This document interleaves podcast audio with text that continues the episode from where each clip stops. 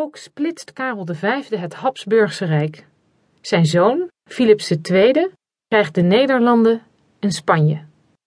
De rest, inclusief de keizerstitel, gaat naar Karels broer, Ferdinand van Oostenrijk.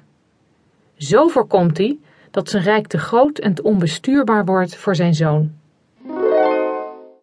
In 1555 doet Karel V afstand van de troon ten gunste van zijn 28-jarige zoon Philips II. Een van de aanwezige gasten is prins Willem van Oranje. Hij is dan adviseur van Karel V. Later zal hij in de opstand een zeer belangrijke rol spelen. Philips II heeft alleen de Nederlanden en Spanje om over te heersen. Hij verblijft veel in Madrid en reist niet door het Rijk zoals zijn vader dat had gedaan. Onder het koningschap van Philips II zet de reformatie door, vooral in de Nederlandse gebieden. Philips is erg katholiek en is een fel tegenstander van de protestanten. Maar wat is nou eigenlijk het verschil tussen katholieken en protestanten? De protestanten wilden terug naar de bron, naar de oorsprong van het geloof en de Bijbel.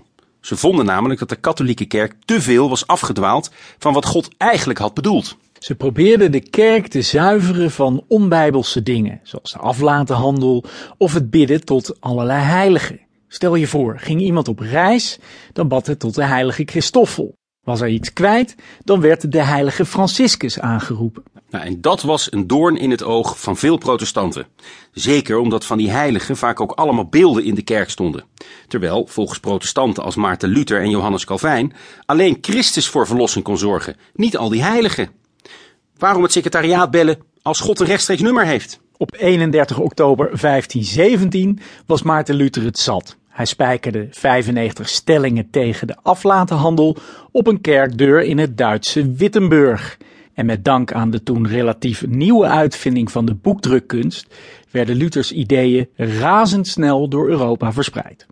Voor de uitvinding van die boekdrukkunst moesten alle teksten met de hand overgeschreven worden. Dat waren natuurlijk hele precieze en tijdrovende klussen. Ja, echt monnikenwerk.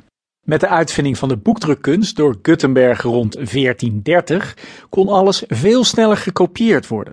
En dus verspreidden de ideeën van Maarten Luther zich snel over Europa. Maar de katholieke kerk moest helemaal niets hebben van hervormingen.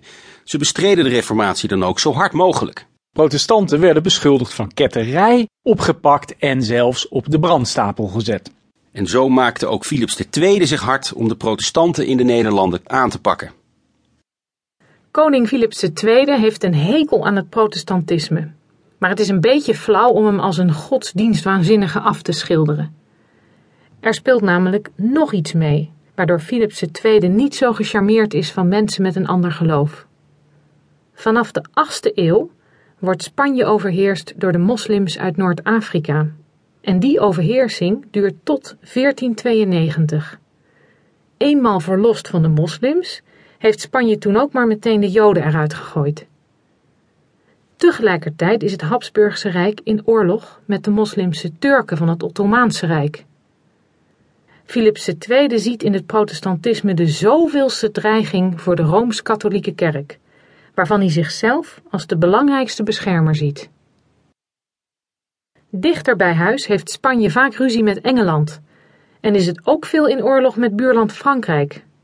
Maar Frankrijk wordt in deze periode steeds zwakker door de interne strijd tegen de protestanten, die daar hugenoten worden genoemd. De Fransen hebben daarom minder tijd om oorlog met anderen te voeren. In 1558 sluiten ze eerst een wapenstilstand met Spanje en later vrede. Dit geeft Philips II meer ruimte om zich op de onrustige Nederlanden te richten.